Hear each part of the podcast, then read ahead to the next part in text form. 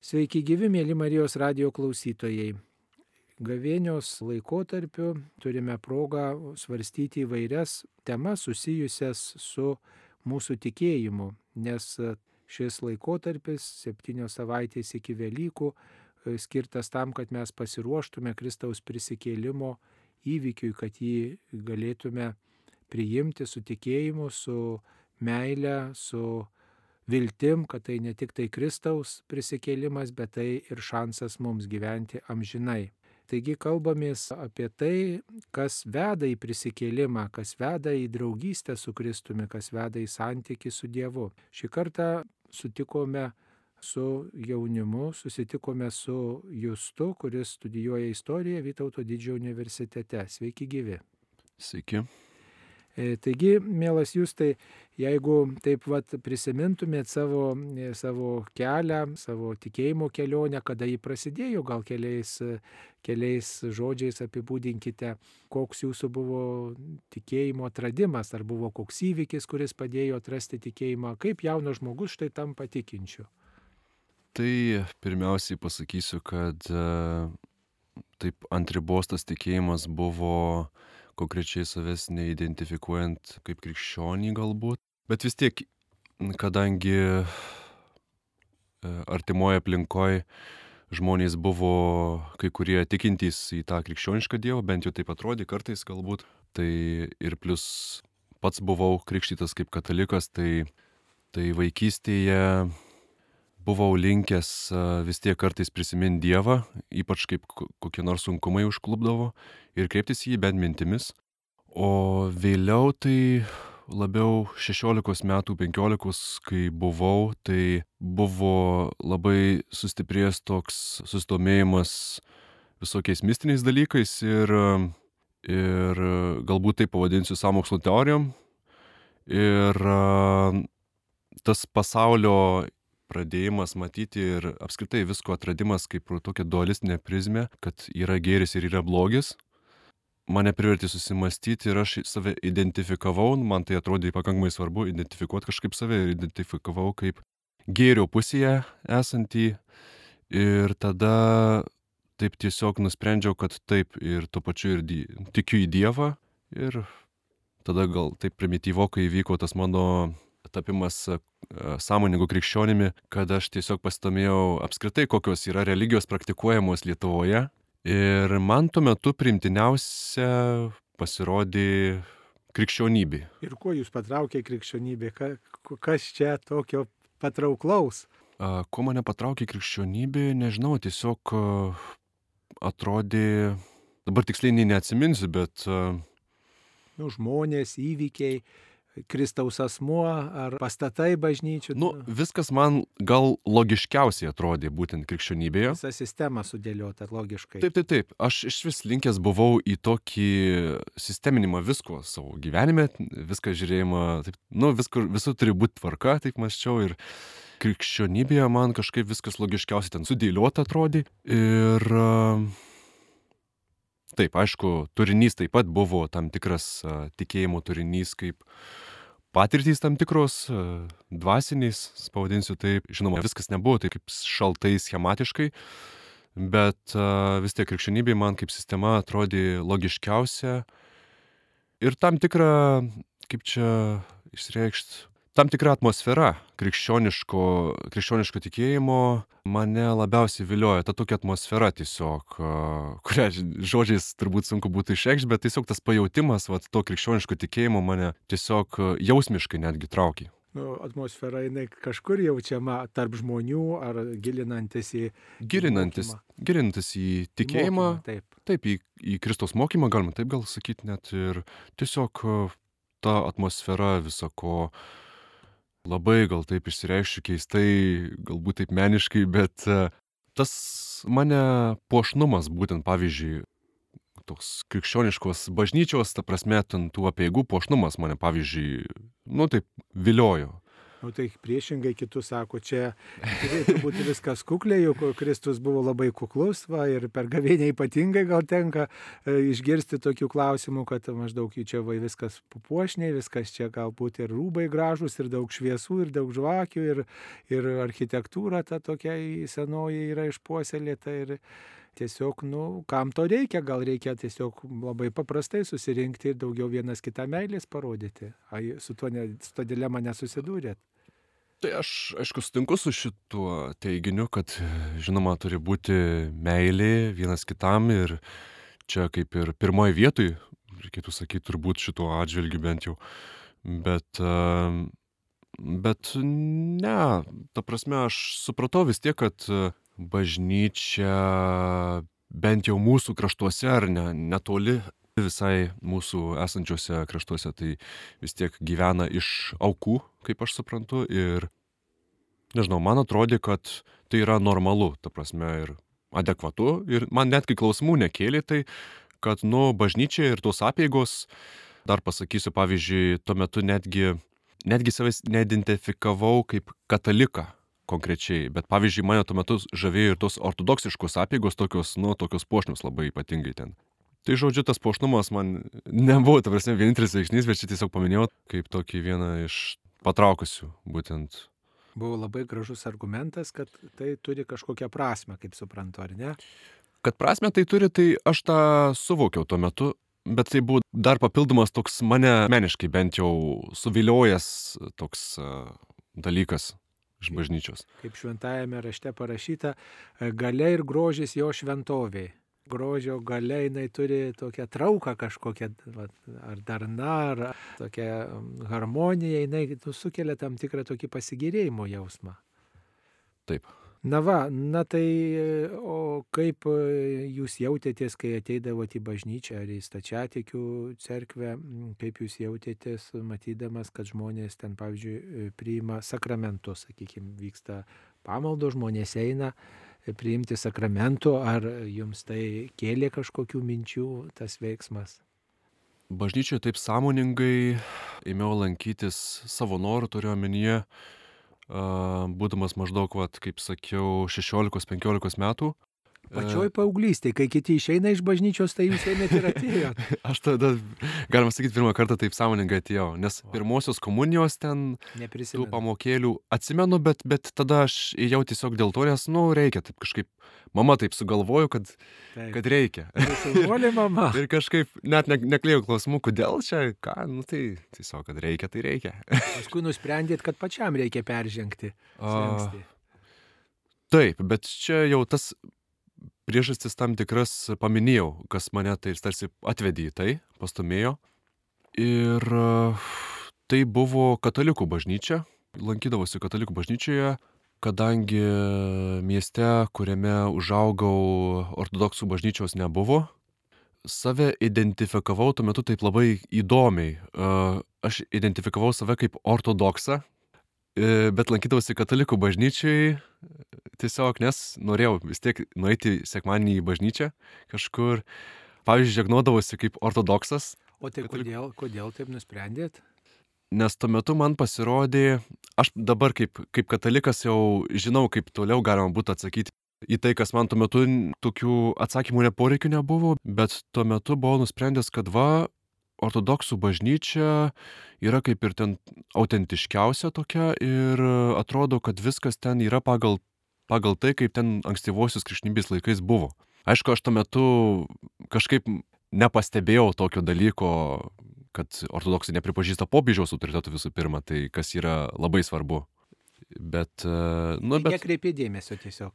Nekreipiau dėmesio, tai kažkaip net ir labai ganėtinai greitai aš ten iš vis priėmiau tokį sprendimą, kad va čia aš būsiu ortodoksas ir panašiai. Bet, nu ir... Bet lankydavotės katalikų bažnyčioje pamaldas. Taip, man, man nekėlė problemų tai. Bet... Taip, tai dabar papasakokit, kaip įvyko tas supratimas, kad esat e, katalikas, kad esat katalikų bažnyčios narys. Tai, žodžiu, aš taip buvau tikintis maždaug septynerius metus nuo tada, kai sąmoningai taip pat jau į bažnyčią ir tada aš dar buvau kurį laiką praradęs tikėjimą. Apie metus laiko. Ir tada tada kas įvyko, aš e, studijuodamas istoriją VDU susipažinau su viena mergina, su kuria pradėjom mes tiesiog diskutuot e, nemažai. Ji kalbėjo taip iš, iš krikščionio perspektyvos apie, apie viską, o aš e, labiau stengiausi netgi įrodinėti jai savo požiūrį, o tuo metu mano požiūris buvo toks agnostinis kad, e, nu, kad mes nežinom, ar Dievas yra, bet negalim įrodyti nei vienaip, nei kitaip, Bet žodžiu, aš ten bandžiau tam tikrus savo argumentus pateikti savo tam tikro požiūrio, kurį aš tuo metu turėjau. Bet buvau atviras tiesai ir galiausiai maždaug po pusmečio diskusijų aš vėl nusprendžiau, ir tai buvo maždaug metai po mano to atsimetimo nuo tikėjimo, vėl nusprendžiau kreiptis į Dievą, tai melstis savai žodžiais. Ir kažkaip, vat, tada, kai tai nusprendžiau daryti, nuo tada prasidėjo mano tokia kaip ir intensyvesnė negu kada nors iki tol tikėjimo kelionė. Ir plus mergina, kurią dabar minėjau, tapo mano mergina. Maždaug tuo metu irgi. Ir taip, ji aktyviai veikė vienoje parapijoje, katalikų parapijoje, į kurią aš taip, taip pat šiek tiek įsitraukiau kaip, nu, pagalbininkas, kur kažką galbūt galėčiau prisidėti, tai aš irgi mielų norų prisidėdavau. O kas jūsų tikėjimą stiprino kaip jauno žmogaus tikėjimą bažnyčioje? Ar kunigo pamokslai, pavyzdžiui, ar ta žmonių susidomėjimas, ar, ar dar kažkas kitas?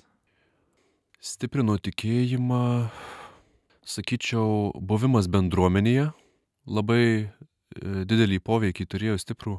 Būtent nes iki tol aš ne, nebuvau įsitraukęs į jokią bendruomenę per tuos septynerius metus, pavyzdžiui ir dėl to mano ir maldos gyvenimas stagnavo. Ir netgi tokiu kaip mechanišku, tiesiog tų pačių frazių kartuojimu tai buvau pavirtę. O štai tada, kai grįžau į tikėjimą, įstraukiau į katalikų bendruomenę tos parapijos, tada taip, tas aplink save matymas žmonių ir turėjimas žmonių, su kuriais galima veikti bendrus dalykus, toj parapijoj ir, žodžiu, su kuriais tu jautiesi, kad esi toj tikėjimo kelioniai.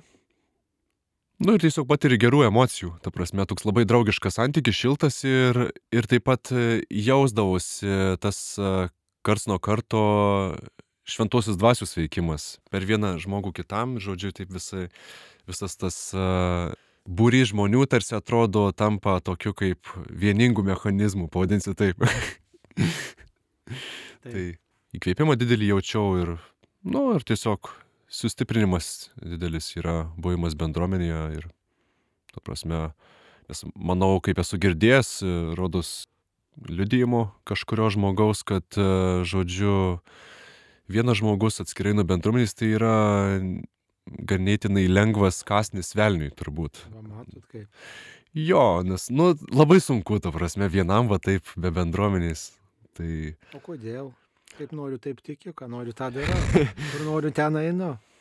Nu tai matot, e, yra Biblijoje neparašyta, kad e, kelias į gyvenimą siauras, o į mirtį labai platus yra, į tą amžinąją mirtį, kaip aš suprantu. Tai jeigu tu esi be bendruomenės, kuri ir taip jau šiais laikais uh, turi, pavadinsiu, poreikį būtent laikytis itin stipriai, nu, glaudžiai, nes dabar yra visokiausių, pavadinsiu, tokių New Age būdų, kaip žiūrėti į tikėjimą, į krikščionišką ar į bet kurį kitą ir taip tarsi toks gaunasi sinkretinis toks požiūris ir tai aš pavadinčiau tą sinkretinį tokį požiūrį į tikėjimą, į Dievo egzistavimą būtent tuo plačiu keliu. Nes jis labai platus yra, labai daug pasaulyje visko visokių yra tikėjimų, kuriuos tu gali priimti ir, ir netgi gali savo pasidaryti kažkokį visiškai atskirą unikalų būdą suvokti pasaulį, suvokti Bet Dievą. Kokia prasme tikėjimą naują kurti, kai jau atėjo Jėzus Kristus ir čia paliko bažnyčią ir jau čia viskas kaip ir pasakyta, kokia čia prasme dar kažką išradinėti. Ai, tai prasme tokia, čia kabutėse prasme, sakyčiau. Bet žmogus, nu, ką mes galim pastebėti turbūt ir šventajame rašte, kad žmogus visada vis tiek jisai yra linkęs kažkiek į piktą. dėl dėka tos prigimtinės nuodėmis. Ir žmogus linkęs visuomet pats savo bandyti kažkaip pasistatyti tą gyvenimą, tokį, kokį jisai norėtų, kokį jam atrodo, kad jam reikėtų. Ir dėl to Kristus, kuris kalba apie nusižeminimą, apie nuolankumą, ten apie džiaugsmą, kuris yra ne pasaulio džiaugsmas, o džiaugsmas iš meilės, iš, sakysiu, tarnystės. Kaip ir Kristus pats parodė savo meilę žmonėm, pasiaukodamas ant kryžiaus, tai mes turim pavyzdį.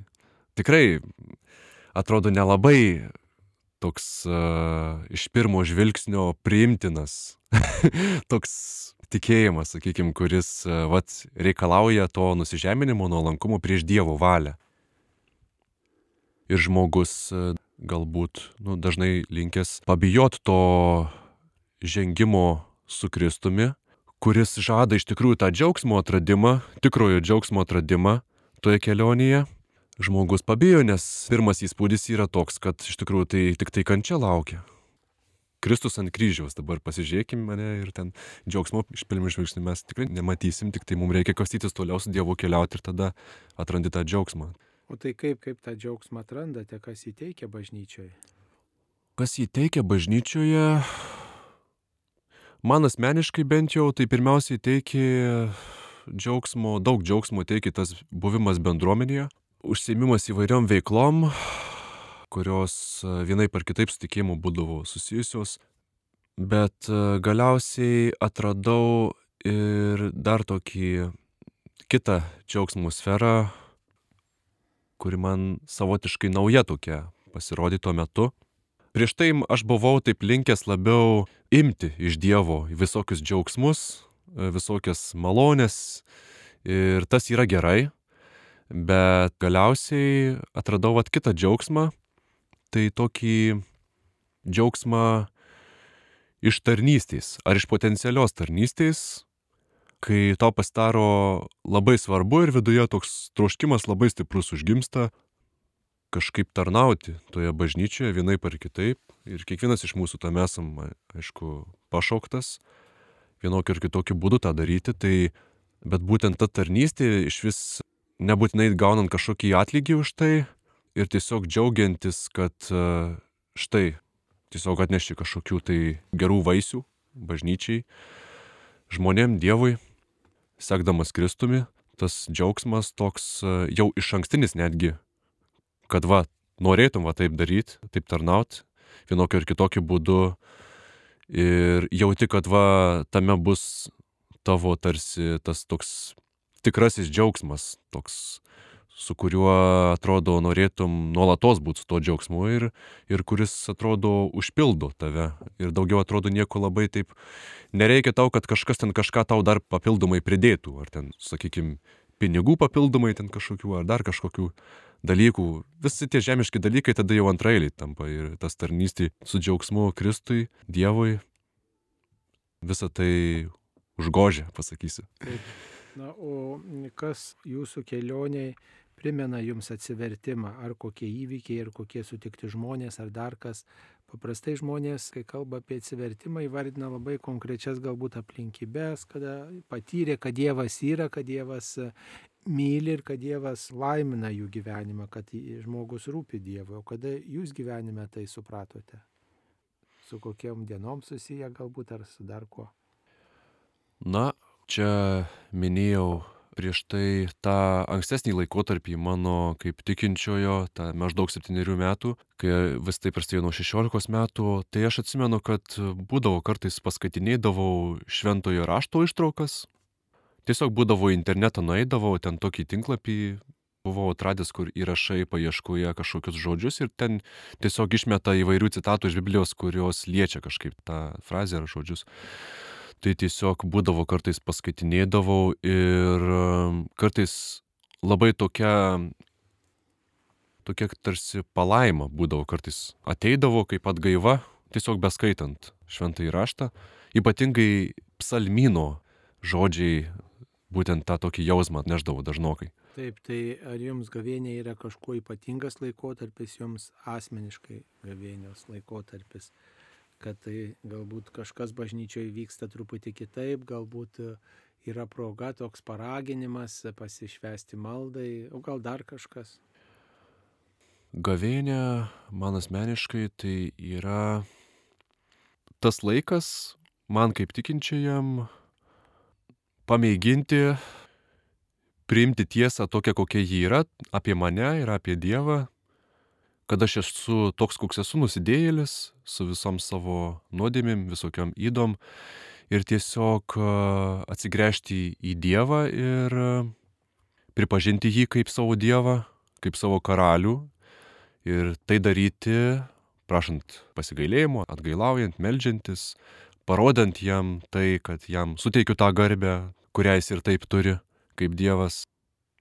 Nu ir proga sustiprinti savo tikėjimą ir priartinti save prie Dievo, pasninkaujant, atsisakant kai kurių žemiškų dalykų, kurie sukelia man asmeniškai bent jau aistras, kurios mane dažnai atrodo nuo Dievo tolina, nes daro mane ne, nebelaisvą ir priklausoma šiek tiek.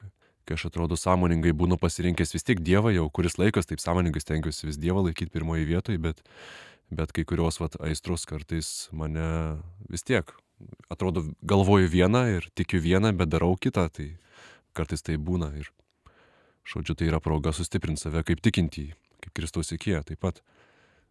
Tai man, man asmeniškai, nu ir aišku, negali būti pasninkas be užpildymo viso to, ko atsisakai meilės tarnystė vienokiu ar kitokiu būdu, tai labai plačiai gali reikštis įvairiais būdais. Tai irgi pasistengsiu šios gavinius metu kažkaip tą irgi daryti, kokių progų Dievas besuteiktų.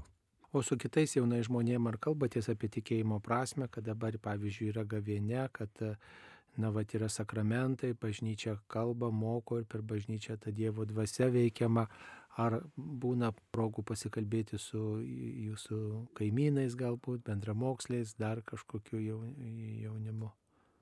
Na, aš kadangi šiuo metu priklausau Kauno silovadai, pašaukimų komandai, tai mes tarp savęs nieko keistų, kad jeigu kars nuo karto pasikalbam įvairiom temom liečiančiam tikėjimą, tai bet uh, daugiau su kuo, jeigu aš bendrauju, tai, na, bent jau kol kas neteko ypatingai kalbėti apie šitą metą. Na, jis ką tik prasidėjo. Tai dar kol kas netenka. taip, taip, taip. Nu va, o tai ar sunkumų dėl tikėjimo patyrėt, kai gal kiti šaiposi, ar priekaištauja, ar dar kažką savo keliai? Šaipimusi, priekaištavimo kažkaip ypatingai nepastebėjau. E, nebent grinai asmeniniai sunkumai, sakykime, kuomet e, atrodo, kad Dievas mane, tiesiog atrodo, kad Dievas tuo metu mane kviečia tam tikrų būdų parodyti savo tikėjimą ar padaryti kažkokį tai gerą darbą, tuo metu atrodo, kad tikrai reikia kažkuriam žmogui ten, kad ir visiškai būtų smulkmena kažkaip padėti, ar sakykime, melstis tuo metu atrodo reikėtų ir tada tiesiog toks pagunda gėdytis Kristaus ateina, pavyzdžiui, ar pagunda apskritai būti, pasirodyti kažkam gerų žmogumi, netgi tokia baimė pasirodyti gerų žmogumi viešai. Nebūtinai netgi, kad gali visai nesužinot, kad tikintis, bet jeigu tu kažkokį vat, viešai gerą darbą padarys, tarkim, nežinau, sakykim, nu, išmaldos duosi ten, kaip daug aplinkui žmonių galbūt gali pastebėti tai, irgi arba pakalbėsi truputį dar su žmogumi prašančiu išmaldos, pabendrausi, tai atrodo, vat, vien tai, kad pagalvos, kad tu va čia toks esi kažkoks tai keistuolis dėl šitų dalykų, tai jau kelia pagunda vidui gėdytis va šito ir, ir su tuo tenka kovoti. Mano tokie iššūkiai bent jau. Vis tiek jūs jaunas žmogus, studentas, studijuojantis istoriją, jums nekyla tokių minčių, kad jaunimo galėtų būti daugiau bažnyčioje, kad vat, jūs matot, nuo paauglystės atėjo, tas yra neįtikėtina, mėly klausytojai. Paaugliai e, maištauja, paaugliai visokius klausimus kelia, paaugliai nebendrauja, atsako labai trumpai sakiniais, jeigu jų ko paklausia ar ką, ir nori kažkuo kitų domėtis. O štai jūs atėjote į bažnyčią, būdamas paaugliu, ir lankot bažnyčią, ir domitės, ir štai svarstot įvairius klausimus, ir knygas skaitot. Beje, apie knygas irgi paklausiu, bet dabar vat, klausimas apie tai, ar nepasigendat bendramžių bažnyčioje. Nekyla toks klausimas, galėtų daugiau ateiti. Pasigendu, aišku, nes uh, bažnyčias lankau įvairias ganėtinai čia kaune. Paįvairinu kartais į vieną bažnyčią, kartais į kitą ir būna kartais vien tik tai vyresnio amžiaus žmonės, tarkim, iš esmės, tai kažkaip tikrai jaučiasi kad galėtų būti daugiau jaunimo, tai labai pasigendu. Bet, na, čia yra toks, sakykime, iššūkis šių laikų bažnyčiai. Ir kadangi pats, pats kaip atkeliavau čia yra vienas būdas, bet galbūt kitam žmogui tai visai netiktų. Būtent tas būdas, kaip aš bandyčiau galbūt kitą žmogų kažkaip prikalbinti ateiti į bažnyčią. Tai aš tiesiog pasikliaunu Dievu ir kur aš pats negaliu kažko padaryti, tai bandau tada maldą pasitelkti į pagalbą. O šiaip, nu, įvairių yra daroma dalykų, bandoma tą evangelizaciją vykdyti ir jaunimo tarpe. O ką reikėtų daryti kitaip? Bažnyčiai, bažnyčios nariams, vat, pasauliečiams, ar kunigams, galbūt šeimų tėvams, ar seneliams, kad nu, tas jaunas žmogus atrastų kelią į bažnyčią, kad tikrai bažnyčia būtų ir jo namai, jis tą suprastų, atrastų. Mhm.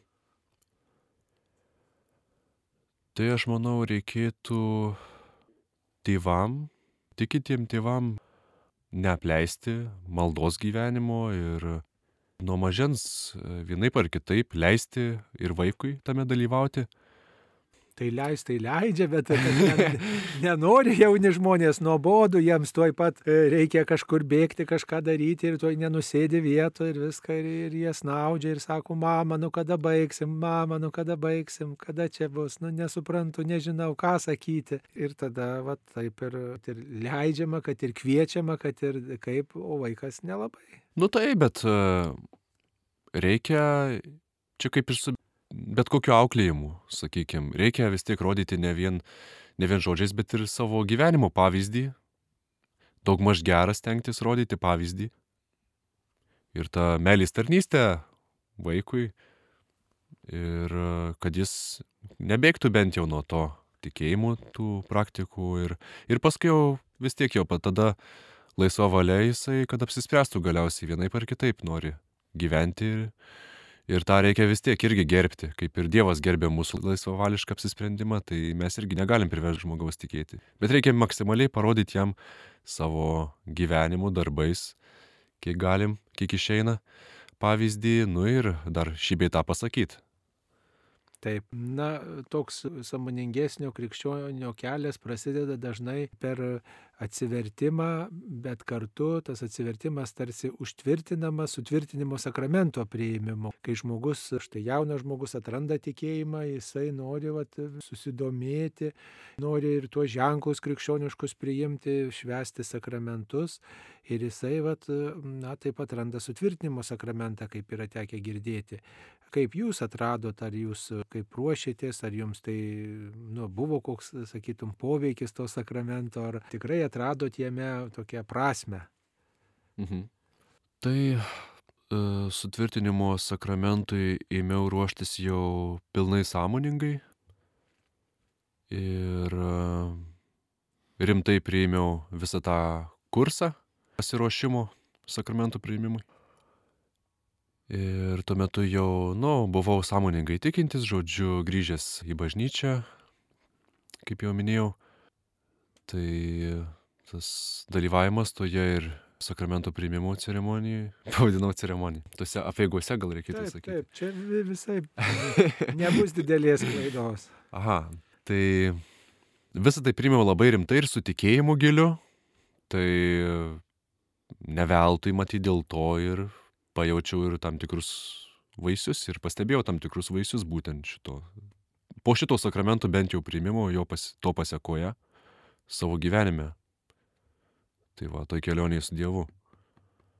O kaip tas vyko pasiruošimas, kėlėt klausimus, ar klausėt paskaitų, ar diskutavot, ar e, buvo kažkoks interaktyvus, kaip dabar sako, tas e, veiksmas, jūs tiesiog buvo paruoštos kokios ar skaidrės, ar dar kažkas.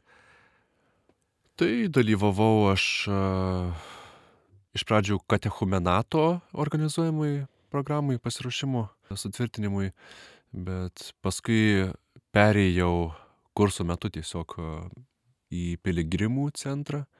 Ten irgi buvo organizuojama ta programa pasiruošimo.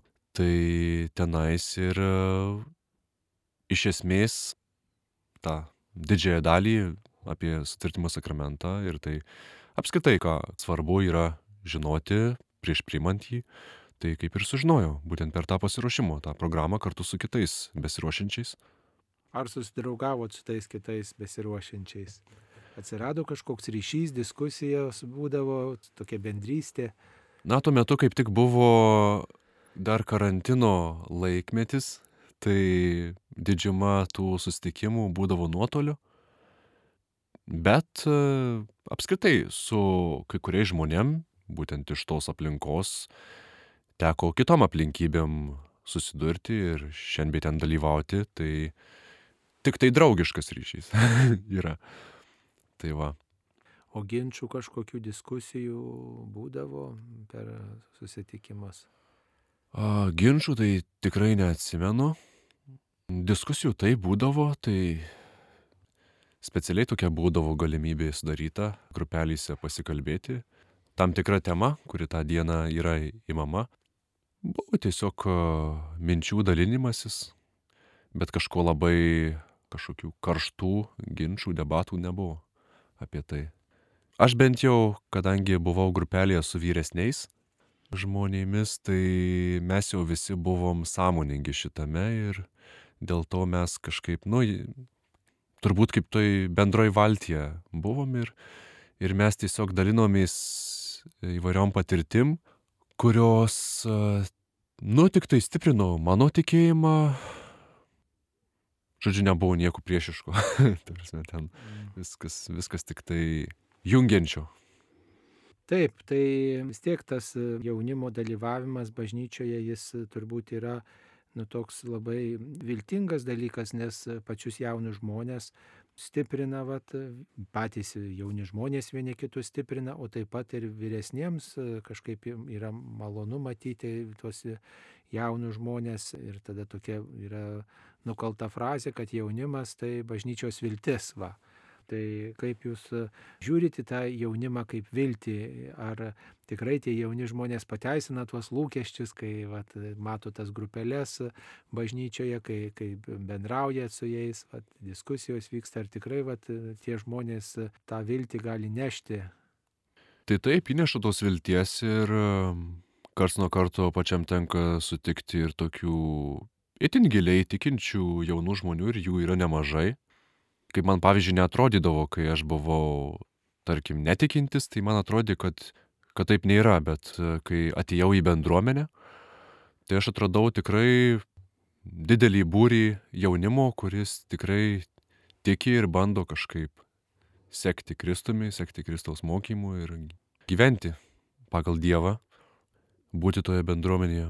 Ir taip, tai teikia vilties, aišku, kuri bet kokiu atveju yra tikra ta viltis, kurią mums Dievas suteikia, tai jinai nėra tuščia viltis niekada. Ir bažnyčia kaip šventa, jinai jos neįmanoma sugriauti kaip tokios, bet, bet smagu matyti jaunus žmonės ir šiais laikais bažnyčioje ir su jais mėginti kažką veikti.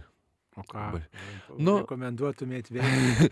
nu, turiu, ai, veikti tai turiu omenyje, aš visada per tarnystės prizmę kalbu, ne šiaip savo kažką ten, nu, ta prasme, tiesiog veikti, bet mėginti kažkaip nešti tą gerąją naujieną. Kaip nešti rankose iškėlus aukštai virš. Na, įvairiais būdais tą galima daryti. Tai kaip minėjau, aišku, reikia kažkaip stengtis, kas yra turbūt sunkiausia, tai savo gyvenimu pirmiausiai, aišku, nepamiršti to, bet aš kaip pašaukimų komandos e, narys, tai palyginus neseniai prisijungęs, galiu pasakyti tik tuos būdus, su kuriais pats susidūriau. Tai yra rekolekcijų organizavimas, įvairių renginių organizavimas, ypatingai jaunimui. Ir apskritai pats nuo savęs dar pasakyčiau, kad karts nuo karto, kai yra proga, matai, kad kažkam kitam tikinčiajam ar net nebūtinai tikinčiajam iškyla kažkokių klausimų susijusių su tikėjimu ir, ir kai žinau, kad galiu visai galbūt padėti tam žmogui tais klausimais, tai nepraleisti tos progos, pasikalbėti. Tai va tas irgi gali duoti vaisių. Tas... Tai jūs pats pirmas pradedat pokalbį su jais, ar jie klausia ko nors jūsų? A, taip gaunasi dažniausiai, kad turbūt reiktų sakyti jo, kad Dievas to žmonės kars nuo karto man atveda. Galbūt ne su visais pavyksta taip pasikalbėti, bet... bet... Su kitais. Ai, ne, kai kurių progų, čia kaip sakiau, progų galbūt kartais neišnaudoju. Tiesiog tą noriu pasakyti. O tai kaip atpažįstat, kad Dievas būtent juos atveda? Gal jie patys ateina kažkokiais būdais susitikti, vat, tikėjimo susitikimus? Na, aš asmeniškai nuolatos stengiuosi tos Dievo valios ieškoti ir Dievo veikimą kažkaip pastebėti. O kaip jūs savo gyvenime? Dievo valia. Dievo valia?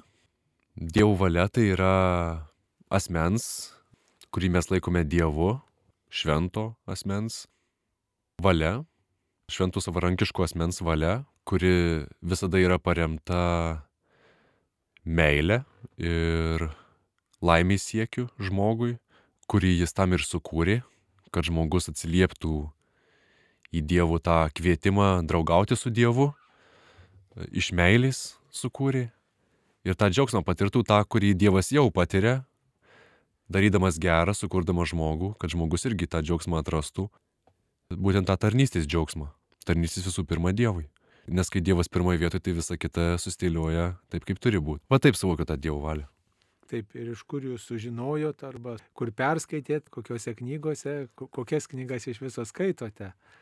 Tai gal ten daugiau atsakymų, gal ir mūsų klausytojai surastų, kurie vat, ieško, arba norėtų ieškoti, arba galėtų ieškoti. Mhm.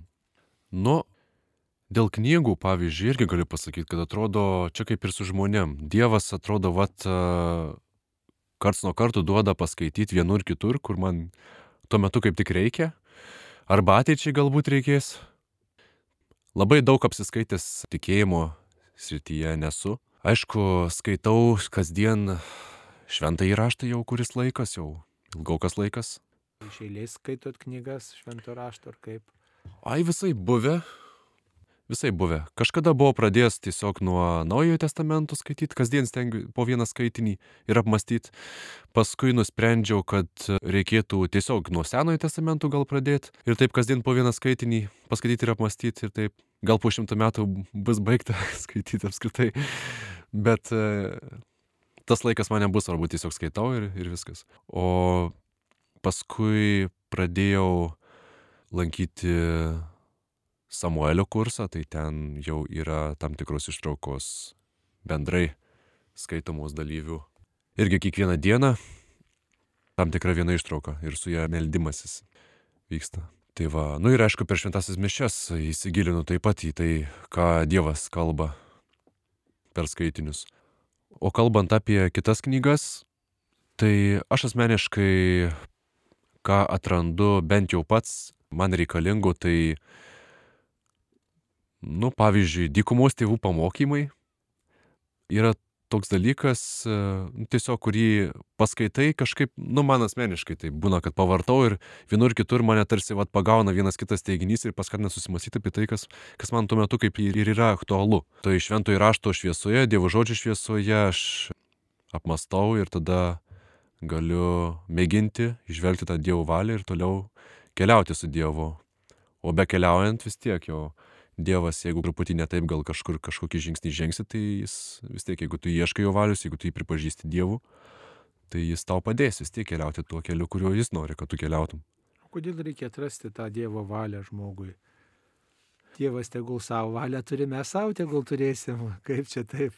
Gal taip galima gyventi?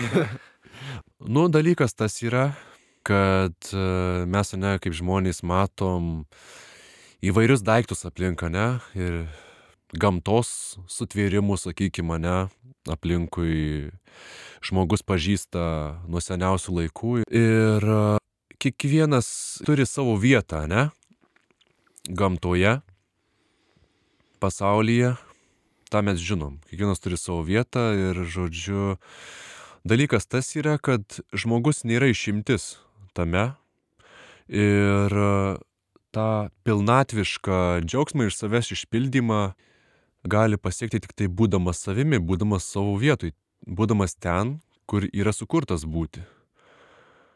Ir žmogus sukurtas būti su Dievu. Ir toj draugystėje su Dievu patirti tą laimę, kuriai daugiau nieko netrūktų. Tai va, kaip yra tas, man labai patinka Kristaus palyginimas apie vynmedį ir jo šakeles. Tai va, kiekvienas iš mūsų esam to vynmedžio šakelės, bendro to, to paties vynmedžio. Bet mes galim, Dievas tokia mum išimti suteikia, kad mes kaip galim pasirinkti ir nebūti su tuo vynmedžiu. Bet jeigu mes nebusim su vynmedžiu, tai mes tada nebusim savimi. Ir apskritai tada mes eisim į niekur tiesiog. Nes jeigu mes, arba mes išpildom pilnai save ir būnam liekam su Dievu, arba mes tada pasirenkam nebūti savimi ir apskritai nebūti tada. Bet kol kas mes per šitą žemišką kelionę turim laiko tą apmastyti, priimti Dievo siunčiamą kvietimą mum arba nepriimti kiekvienam žmogui tas kvietimas siunčiamas yra tam tikrų unikalių būdų ir kiekvienas žmogus santykį su Dievu turi visiškai savitą, tik jam pačiam geriausiai suprantama, aišku, ir, ir Dievui dar geriau suprantama. Tai taip aš suprantu, kad dėl to ir reikia tos Dievo valios ieškoti, kad e, žinotum, kur yra tas, tas kelias, kur yra ta vieta, kurią tau jau yra paruošęs Dievas, kuris ir viską jau numatė prieš kurdamas ir tave numatė, kad atrastum save, atrastum tą kelią ir tą tikrąjį džiaugsmą, kuris užpildo.